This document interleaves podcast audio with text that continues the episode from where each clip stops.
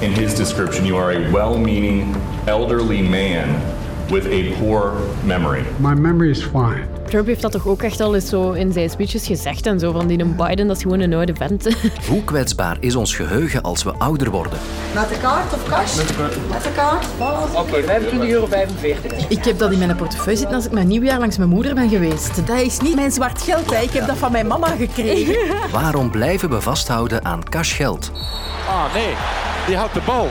En die wordt uit de handen getikt. Kunnen we dan een VAR-momentje vragen? Nee, arbiter. Sorry, maar uh, dit was nu zo duidelijk. Oh, oh, oh, oh, oh, oh, oh, oh, oh. Nee en toch. is er een VAR nodig in het basketbal? Ik ben Lode Roels en ik ga voor een onvervalste driepunter in het laatste kwartier van deze week. Fijn dat je ons alweer gevonden hebt. En ik begin deze podcast met een inkijk in de garage van Joe Biden, de Amerikaanse president. Ik zie een trapladder, een kapotte lamp, een zak potgrond en. een doos met geheime documenten die daar niet moet staan. Die fameuze doos staat centraal in een rapport van aanklager Robert Hur, dat net verschenen is.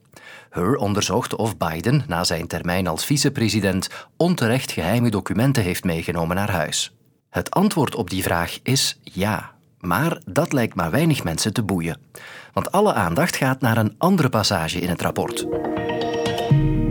Goedemorgen. Een goede nacht voor jou. En dus trommelden de vroege vogels op onze redactie Amerika-watcher Björn Soenes op om die bewuste passage te citeren. Veel verwoestender is dat er staat...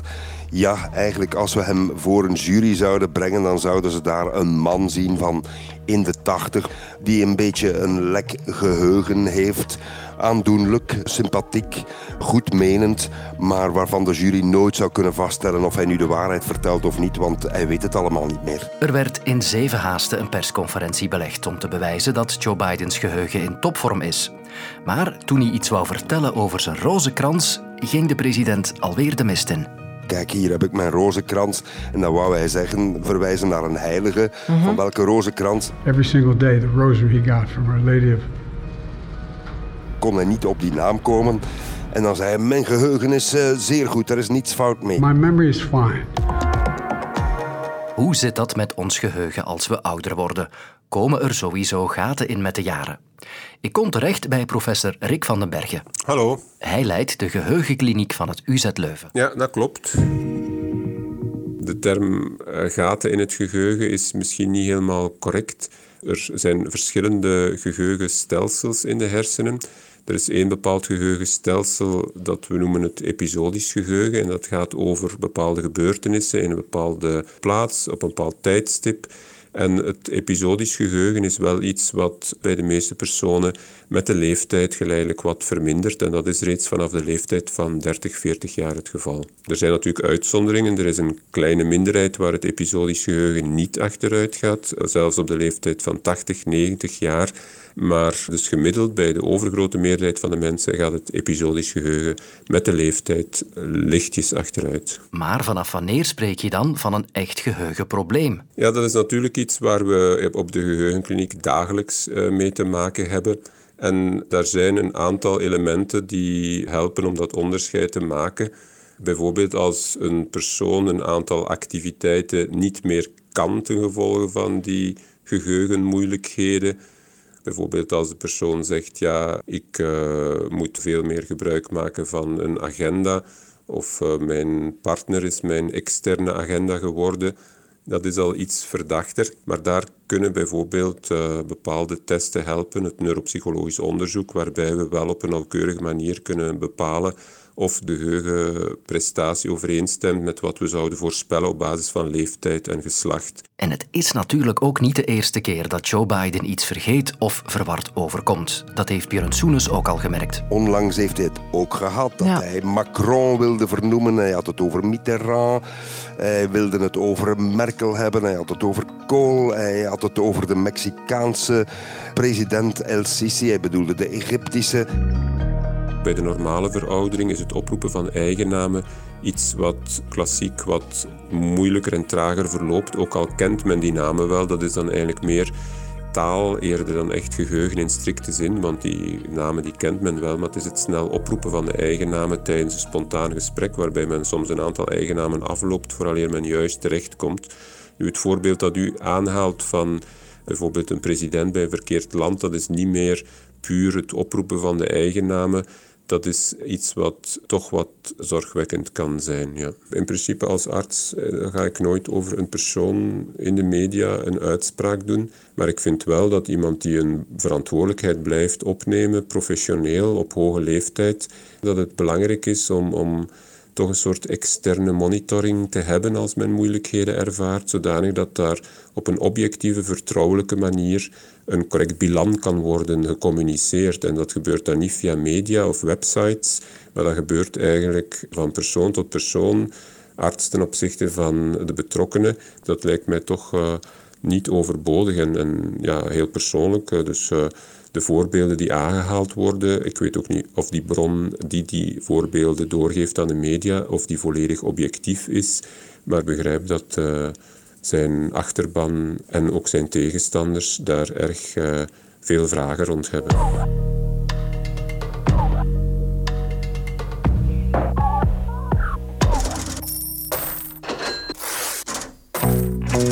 Hoeveel cash hebt u momenteel op zak, als ik vragen mag?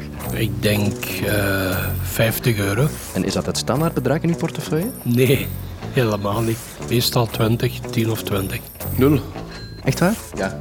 Is dat altijd zo? Uh, meestal, ja. Um, ehm, 50 euro. Ik ben net terug van vakantie en daarom had ik wel wat cashgeld afgehaald om daar voor de zekerheid toch uh, cash te hebben. Hoeveel cashgeld heb je momenteel op zak? Dat gaat bijna 30 euro zijn. Dat is op dit moment kei veel, want normaal heb ik bijna niks. Um, 20 euro. Ja, veel cash hebben mijn collega's dus niet op zak. Dat leerde een snel rondje langs enkele bureaus hier. En waarom zouden ze ook? Want elektronisch betalen zit in de lift. Twee jaar geleden werden handelaars ook verplicht om minstens één vorm van elektronische betaling aan te bieden. Dus het kan in principe overal. Maar gisteren voegde de Kamer een zinnetje toe aan die wet. Handelaars mogen voortaan geen cashbetalingen weigeren. Een broodje onderweg of een doosje pijnstillers bij de apotheek met baar geld betalen, het moet dus altijd kunnen. Op straffen van boete voor de handelaar.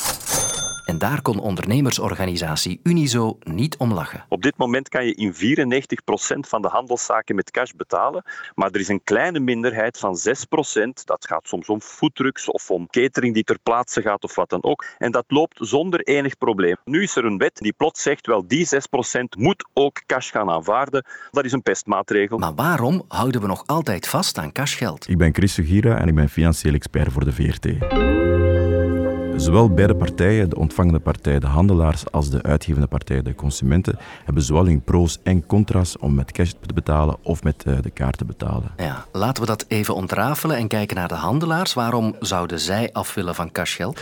Eerst en vooral is er aspect van veiligheid. Er is een risico op diefstal en overvallen. En daarnaast is er ook het, uh, is er ook het aspect van transactiekosten. Heel veel mensen denken dat het gratis is om geld te verwerken, maar dat is niet zo. Als je naar de bank gaat, kost het u tijd. En daarnaast is het ook zo dat uh, de bank geld vraagt om de munten te verwerken. En er is ook het aspect dat er risico is op valse munten en biljetten. Ik heb het ook al zelf meegemaakt. Ik heb een event georganiseerd en we hadden drie valse biljetjes van 50 euro. En geloof me, dat is een hele zware dobber. Anderzijds zie je toch ook nog altijd handelaars die cashbetalingen promoten of uh, zelfs als enige cash aanvaarden. Waarom zouden handelaars dat doen? Het is zo dat elektronisch betalen ook geld kost. Hè. Je moet de betaalterminals huren. En als je met een kredietkaart werkt, dan moet je ook een stuk van je winst afstaan aan de Visa's, Mastercards van deze wereld. Laat ook heel eerlijk zijn, als je met cashgeld werkt, moet je ook niet altijd alles afgeven. Stel dat je bijvoorbeeld een carwash hebt en je vult in dat je 50 auto's per week ontvangt, maar je ontvangt in werkelijkheid 70 auto's en 20 auto's dat je niet mee moet geven aan de belasting, bij wijze van spreken. Ja, dus dan zit je met dat zwarte circuit. Laten we dan eens kijken naar de consumenten, want ook daar kan je toch twee lijstjes opmaken, voor en tegens. Waarom houden sommige mensen zo vast aan die cashbetaling? Ik denk dat de oudere generatie sowieso gebaat is om met cash te betalen, want het is vooral iets inclusiever. Het is vrij moeilijk voor hen, denk ik, om te betalen met QR-codes, met, uh, met uh, met, met apps zoals bijvoorbeeld Apple Pay. En daarnaast is het ook zo dat wie werkt in het zwart of bijgelust in het zwart ook dat geld kan gebruiken om te consumeren in de winkel. En het is denk ik ook heel makkelijk als uh, op, uh, voor een consument die naar de winkel gaat en die maar één brief van 50 euro mee heeft, om zijn budget goed te beheren. Want ja, op is op, dus je gaat niet meer uitgeven dan. Oké, en wat zijn de argumenten dan van iemand die wel volledig cashloos wil gaan? Wel, kijk, als je te veel cash hebt en je verliest het, dan is het een hele zure. Ik heb het zelf al eens meegemaakt. En daarnaast ook diefstal. Er is een risico op diefstal.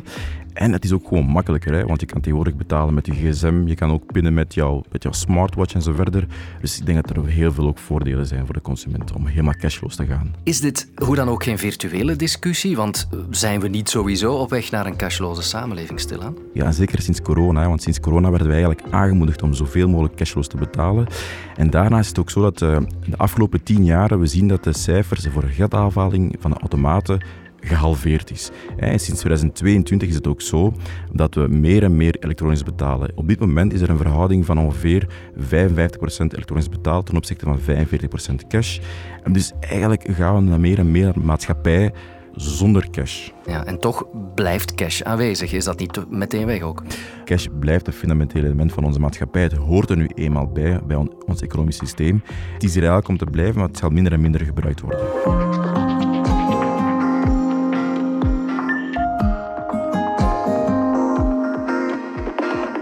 70 seconden in totaal. 79 gelijk.